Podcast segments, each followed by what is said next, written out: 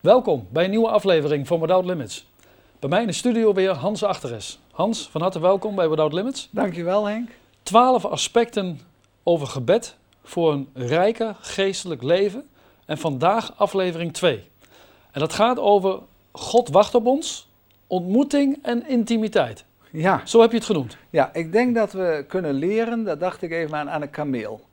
Als een kameel inderdaad aan het eind van de dag is, heeft hij ook wat zijn werk is, allerlei ballast, allerlei verpakking. Maar hij eindigt op de knieën.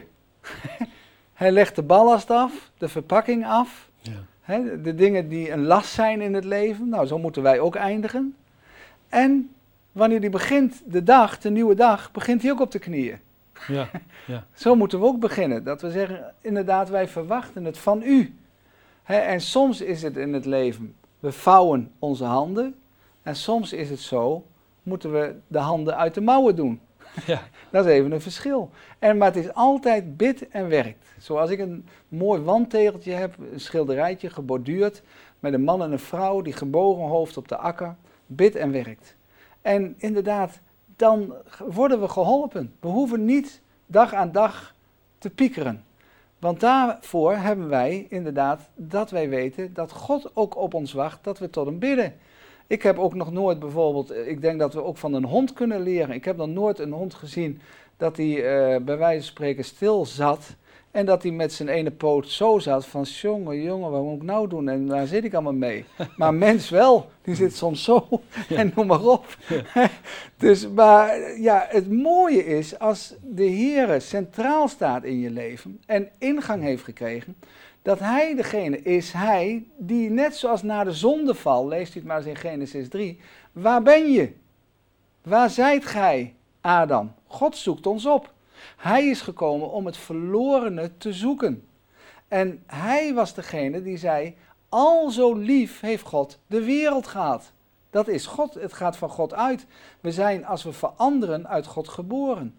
Hij heeft ons als zijn zoon, zijn dochter aangenomen. Wij zijn zijn kind en hij is onze vader. Amen. En dat is geweldig. Ja. En hij is degene die aan de deur klopt.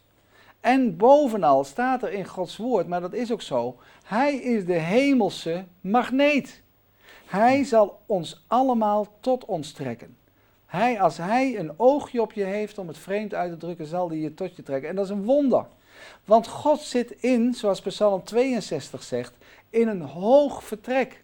Hij zit niet in ons met name, maar bovenal buiten ons. Maar door de geest woont hij ook in ons. Maar hij woont zelf in een hoog vertrek.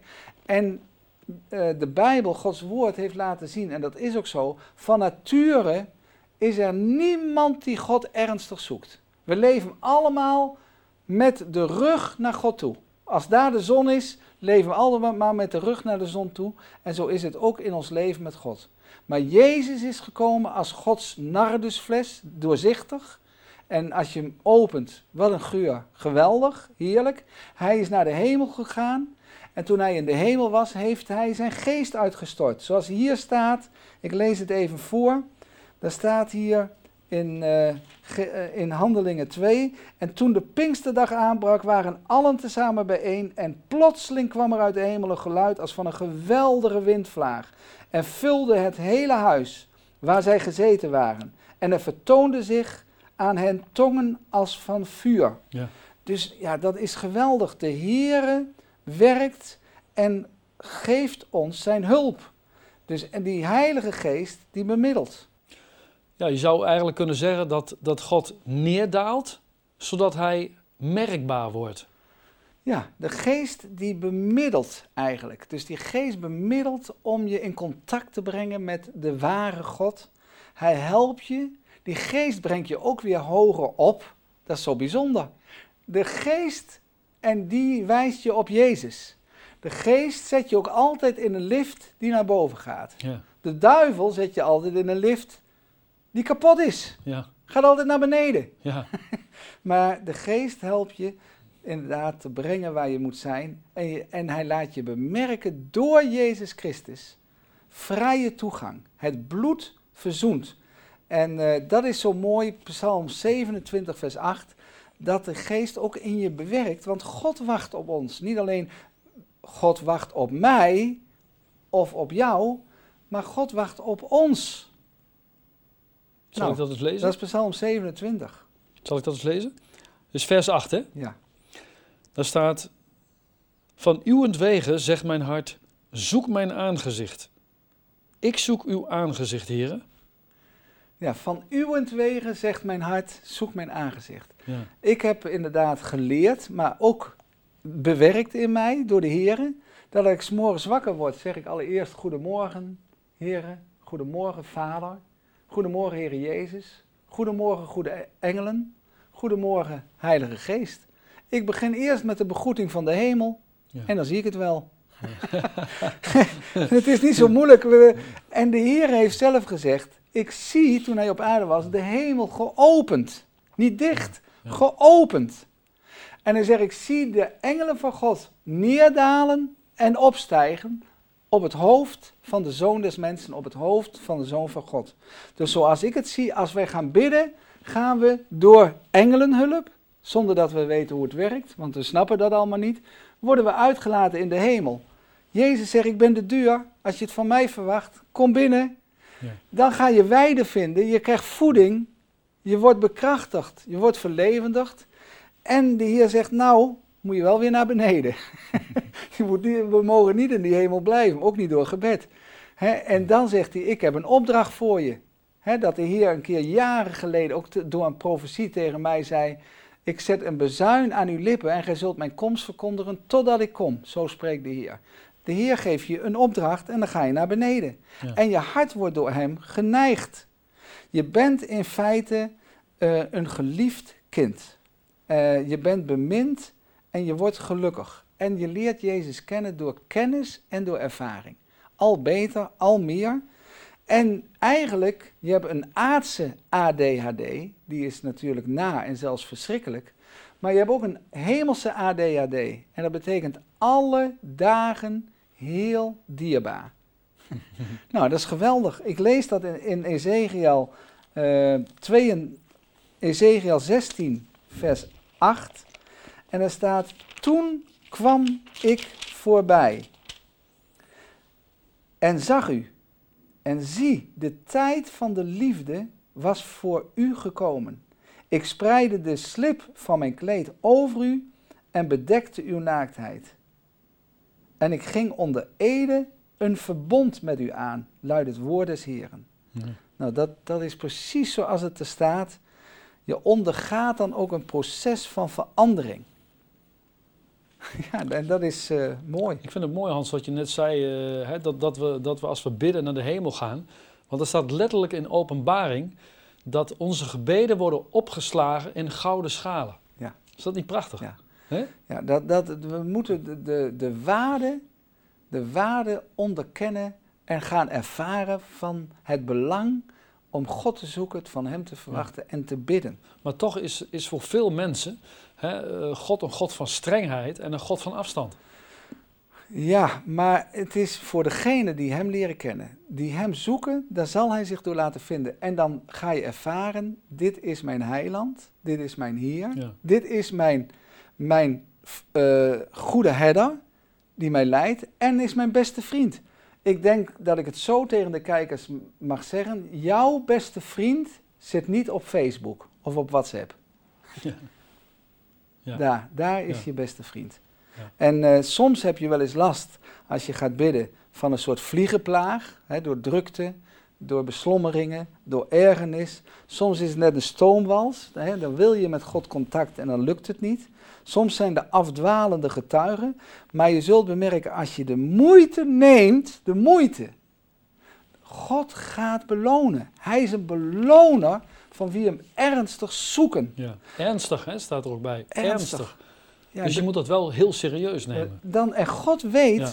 want God is dus een hartenkenner, Ja. wanneer je het echt meent. En als je het echt meent, laat hij zien, ik ben de vorst van de vrede. Hij is nabij. Maar als mensen inderdaad niet afgestemd zijn of niet zoeken God in Jezus Christus, dus een valse God, ja, dan is net een mobieltje wat ze praten, maar er zit geen batterij Ja. in. Je hebt geen contact. Ja. Is dat niet het, eigenlijk het verschil tussen een relatie en religie? Ja, dat, dat, nou, net wat je zegt. Ik, ik heb hier ook staan, Psalm eh, 115. Ik zal eens even kijken wat ik hier heb eh, staan. Psalm 115, vers 4. Daar staat, als je dus ehm, geen relatie hebt met de levende God, wat ga je dan bemerken? Dat je kunt spreken of tot bidden. Dan staat er, hun afgoden zijn zilver en goud. Ja. Het werk van mensenhanden. Ze hebben een mond, als je spreekt tot een dode God, maar ze spreken niet. Ja. Nou, mijn God spreekt wel. Ze hebben ogen, maar ze zien niet. Ik voel soms de warmte, dat hij ook luistert naar wat je zegt Ja. en bemerkt wat er in je omgaat. Ze hebben oren, maar ze horen niet. Mijn God hoort wel. Ze hebben een neus, maar ze ruiken niet. Nou, dat, dat ken ik niet, dat moet ik eerlijk zeggen. Dan weet ik niet hoe dat werkt. Hun handen, maar zij tasten niet. Nou, hier heb je er wel een. Die beweegt met zijn handen. Jezus laat zien wat hij allemaal deed. Lees de evangeliën. Ze hebben voeten, maar ze gaan niet. Ze geven geen geluid met hun keel. Nou, God wil ook spreken. Ik heb zeker een aantal keren God horen spreken in mijn hart meestal. Ja. Maar gewoon vaak, soms, niet vaak, soms gewoon een zin. hè. En Ja, dan ja. eh, ging het vaak om een opdracht van hem. Ik heb dat zelf ook wel ervaren, dat ik eh, dan eh, bad voor iets. Waar ik ja, echt ook een antwoord voor moest hebben.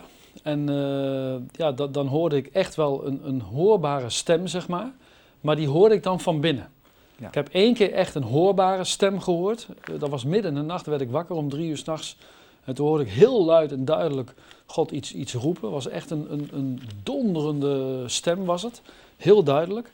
Maar over het algemeen is die stem eh, van binnen, maar hoor ik dat wel duidelijk. Ja, en En, ma- en dan weet ik ook dat ik dan die keuze moet maken wat hij gezegd heeft. En als je dat dan doet, dan zie je ook dat daar altijd, dat dat, dat dan resulteert in een positief iets.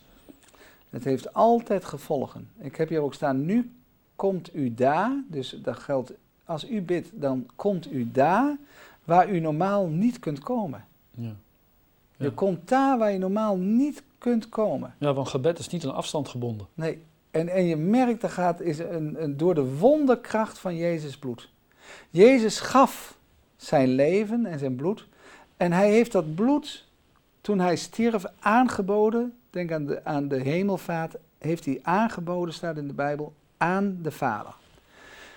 Als men gaat geloven in Jezus en de waarde van het bloed, dan ga je bemerken dat hij de batterij Gods is. dat hij de middelaar is, de voorloper. Hij heeft de weg geëffend, hij is de leidsman en de weg is gebaand. Gods woord laat zien dat dat bloed onschuldig was, zonderloos. En dat het bloed kostbaar is voor ons.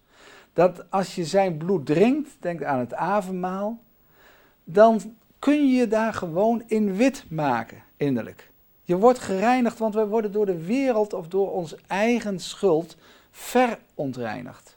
Maar wanneer wij dat bloed drinken, worden we wit gemaakt. Jezus zegt in zijn woord, je wordt als je gelooft in hem, door dat bloed gekocht. Ja. Jij en ik, we zijn afgerekend, we zijn betaald, we zijn absoluut zijn eigendom. We ontvangen door dat bloed vergeving en verlossing.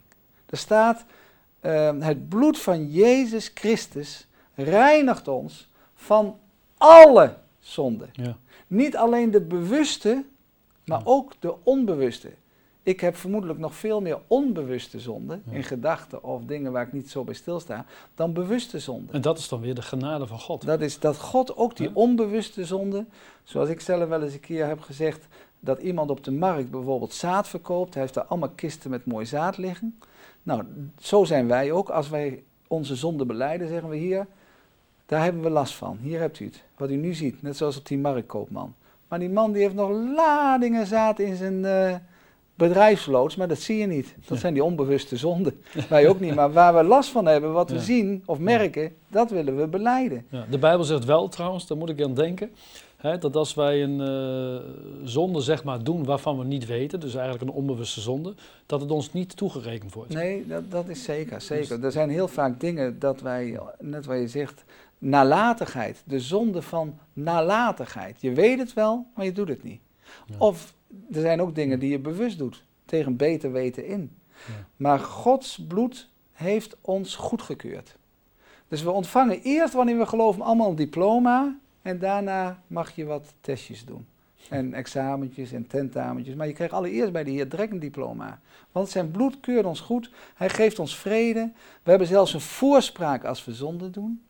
Bewust zonde doen, staat er. Hij is een voorspraak als we soms tot zonde komen, tot onze Ja. eigen stomheid. Hij is eigenlijk dus onze advocaat, Absoluut. hè, die bij de rechter voorspraak doet. En, dan wordt, en dan wordt er gezegd, niet schuldig. Ja, ja, overwinning over de duivel. We krijgen wat je zei, een verbondsrelatie.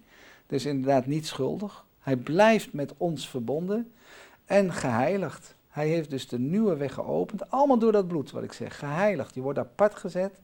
En er gaat een liefdeswerking vanuit door dat bloed. En je ontvangt volle vrijmoedigheid. Efeze 2, vers 13 spreekt daarover. Efeze 2, vers 13. Daar staat. Maar thans in Christus Jezus zijt gij, die eertijds veraf waart, dichtbij gekomen door het bloed van Christus. Daar staat het. Ja, inderdaad. Dat is eigenlijk zijn, zijn kruis, is een zichtbaar teken. Eh, Jezus met zijn armen wijd gespreid. eh, met, met, met eigenlijk uitnodigende, geopende armen, waarin hij zegt: Kom. Ja, en, en hij, hij laat zien dat dat kruis, kom ik zo even op, ook nog op een hoogte stond. Dus we moeten opkijken. Ja. Maar we moeten het ook, zoals er ergens, meen ik, in Psalm 121 staat. Ik hef mijn ogen op naar de bergen. Met andere woorden, de Heer zegt van, verwacht het van boven. De Heer zit echt niet, om het een beetje vreemd uit te drukken, onder je bed. Maar hij is, eh, zoals Jezus ook letterlijk staat, toen Jezus bad en hij hief zijn ogen naar de hemel. Johannes 17, het hoge priestelijk gebed. Hij hief zijn ogen op naar de hemel. Verwacht het van hem, verwacht het van boven, eh, maar niet van beneden. Zoals ik ben reiziger geweest. Nou, ik eh, meen dat ik een keer een huis zag en er stond op, hier is het niet. nou, hier is het niet. We hebben een hemelse roeping. En eh, ja, we moeten het verwachten van boven. Vandaar dat in Exodus bijvoorbeeld staat, 24 vers 12, en dat lees ik even. De Heere zei tot Mozes, klim op, tot mij, de berg op, en blijf daar. Dan, dan zal ik u de stenen tafelen geven, de wet en het gebod die ik u opgeschreven heb, om hen te onderwijzen. Maar dat is een principe. De Heer zegt, klim op, verwacht het van mij. Tegen Mozes zei hij het, maar hij zegt het ook tot ons allen. Klim op en blijf daar dan. Blijf dan daar waar hij is. En dan zal hij je geven. Er staat in vers 13 ehm, dat hij besteeg de berg van God. En dat is geweldig. Dus we moeten de berg op. Hebben bergen eigenlijk een, een betekenis in Gods woord? Eh, ja, in de Bijbel zie je heel vaak dat eh, het ook een berg Gods wordt genoemd. Bijvoorbeeld Sinaï. Hè, we hebben dat net, eh, de berg Gods, Sinaï, ik heb het er net over gelezen. Horeb. Bij Horeb kreeg, kreeg Mozes de roeping. Dus het gaat hier om waarom soms op een berg dat we dan opwaarts bezig zijn. We, we zijn al letterlijk bezig naar boven. We worden, als we op een berg zijn, afgezonderd en apart gezet. Jezus ging ook vaak bidden in de bergen.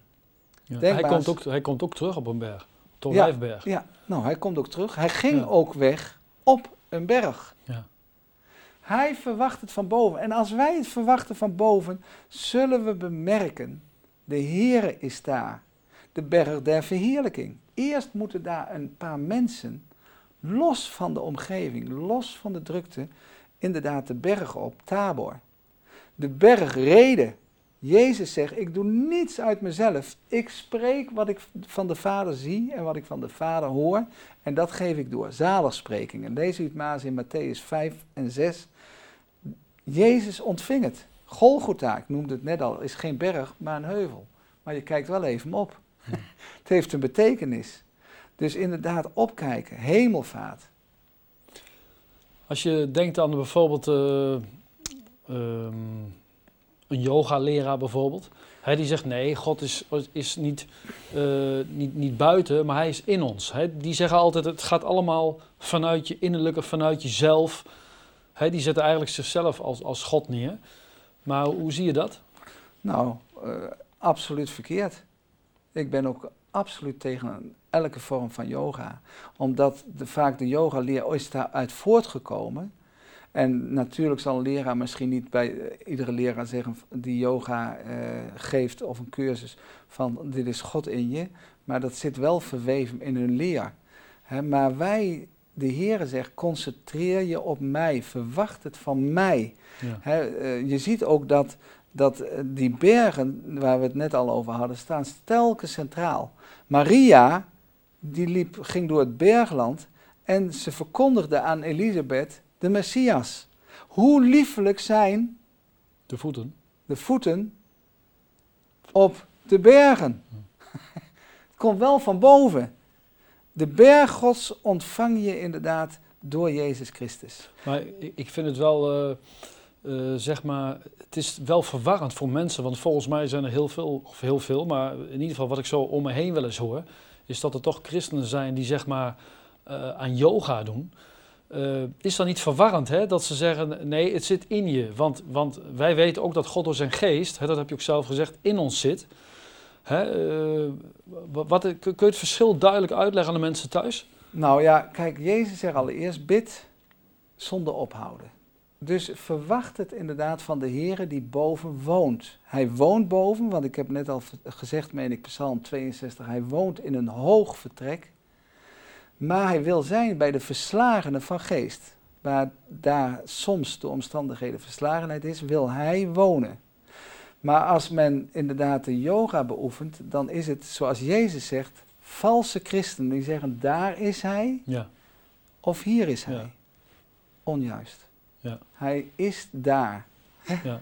En, en uh, Jezus zegt geloof ik ook zelf hè, dat er mensen zullen zijn, ook in de laatste dagen, die zeggen daar is de Christus. En dan zegt hij geloof het niet. Ja, geloof het niet. Dat is de enige keer in de Bijbel dat we iets niet moeten geloven. Geloof het niet. Nou, dus, nou dat, dan denk ik dat we daar wel duidelijk over zijn. Want de Heere zegt inderdaad, ik vond het ook zo bijzonder toen ik hiermee bezig was, dat hij... Uh, Ziekte, ziekten, zoals mensen die verlamd waren, blind, kreupel, dat is nogal wat, die heeft hij, lees maar eens in Matthäus 15, eh, hij kreeg ontferming op de berg van het medelijden. Dus vermoedelijk moest die mensen ook even geholpen worden, iets hogerop naar Jezus toe, maar het gaf al te kennen. Uh, je had ook Matthäus 14, de berg van de afzondering. Toen Jezus daar was, toen zag hij die mensen die het moeilijk hadden, op het meer, op de zee, met die storm. Maar dat kreeg hij toen hij in afzondering was met God. Kreeg hij door de geest te zien wat er aan de hand was. Dus ja. Ja, ja mooi. Hans, uh, denk laatste vraag. Uh, we hebben nog 3,5 minuut eh, voor deze aflevering. Wat is het verschil tussen een bidstond en een hoorstond? Ja, uh, dat vraagt ook weer afstemming. Je moet tijd nemen, maar daar krijg ik het zo meteen over, of tenminste, sorry, zo meteen in die zin de volgende aflevering. Ja. Dat we dus spreken over gebedstijd, gebedsplaats, gebedshouding. Dus wanneer wij de Heer zoeken en tijd nemen, zullen we gaan bemerken dat God iets aan ons te kennen wil geven. We dienen geen dode God, maar een alfa en een omega, de levende, die dood is geweest, maar zie, hij leeft. Toen, toen Jezus op de berg was, een berg van de juiste keuze, zo noem ik het, maar hij was weer op een berg om te bidden. Daarna, lees het maar in Marcus 3, toen hij van die berg afkwam, heeft hij alle twaalf discipelen gekozen, die we nu nog kennen. Matthäus, uh, Petrus, Andreas en noem maar op, Johannes. En in Matthäus 28, ik meen dat ik er al iets over had, de berg van de zending. Hè? Uh, mij is gegeven alle macht. Het was weer op een berg. Toen hij naar de hemel ging, was weer op een berg. En hij zei tegen de discipelen, gij zult kracht ontvangen. Maar wij moeten, de Heer zegt, het is niet de bedoeling dat je letterlijk gaat aanbidden op een berg. dat is niet de bedoeling. Jezus die leert ons in geest en in waarheid. Maar neem tijd voor Hem. Dan zullen we gaan bemerken, God laat zich niet onbetuigd. Daar wil ik de volgende keer over hebben, over gebedstijd, gebedsplaats en gebedshouding. Jezus zegt, ga in uw binnenkamer. En, uh, en, en dan moet u ook als kijker bij uzelf eens afvragen, Hoeveel tijd neem ik per dag voor God? Ja. Eh, ik heb een onderzoek, en daar kom ik volgende keer op terug, een onderzoek gelezen. Dat, dan schrik je dat ook heel veel wederom geboren christenen, evangelische christenen, vluchtig door het leven gaan met God. Je zou haast zeggen, soms heb je wel eens de indruk, zijn mensen zo druk dat ze er misschien geen tijd voor hebben. Of vroeg uit bed, denk aan boeren. En het meest ongewaardeerde beroep op aarde is huisvrouw. of moeder, is beter gezegd. Maar waar een wil is, is een weg. Ja. Waar een wiel is, is een weg. Ja. en dan zal je geholpen worden. Mijn ervaring is dat door alle jaren heen dat zich de omgeving gaat schikken als jij een keuze maakt voor de Heer Ja. uit liefde. En dan kom je toch weer terug hè, op waar we het al eerder over gehad hebben. Hè, dat God een beloner is voor wie hem ernstig zoeken. Hè, dus als je iets van God wil, zul je hem toch ernstig moeten zoeken. Hè, en dan kan hij antwoorden, kan hij je helpen, kan hij je begeleiden, kan hij je dingen voorzien. En dat is denk ik inderdaad belangrijk. Hans, ik ben heel benieuwd naar volgende week. Ja, eh, nou, ik, ik ook, want het is meestal bij de mensen zo druk, druk, druk. Pas op, want anders loop je stuk. Maar neem tijd voor God. Ja, amen, amen. Hans, hartelijk dank.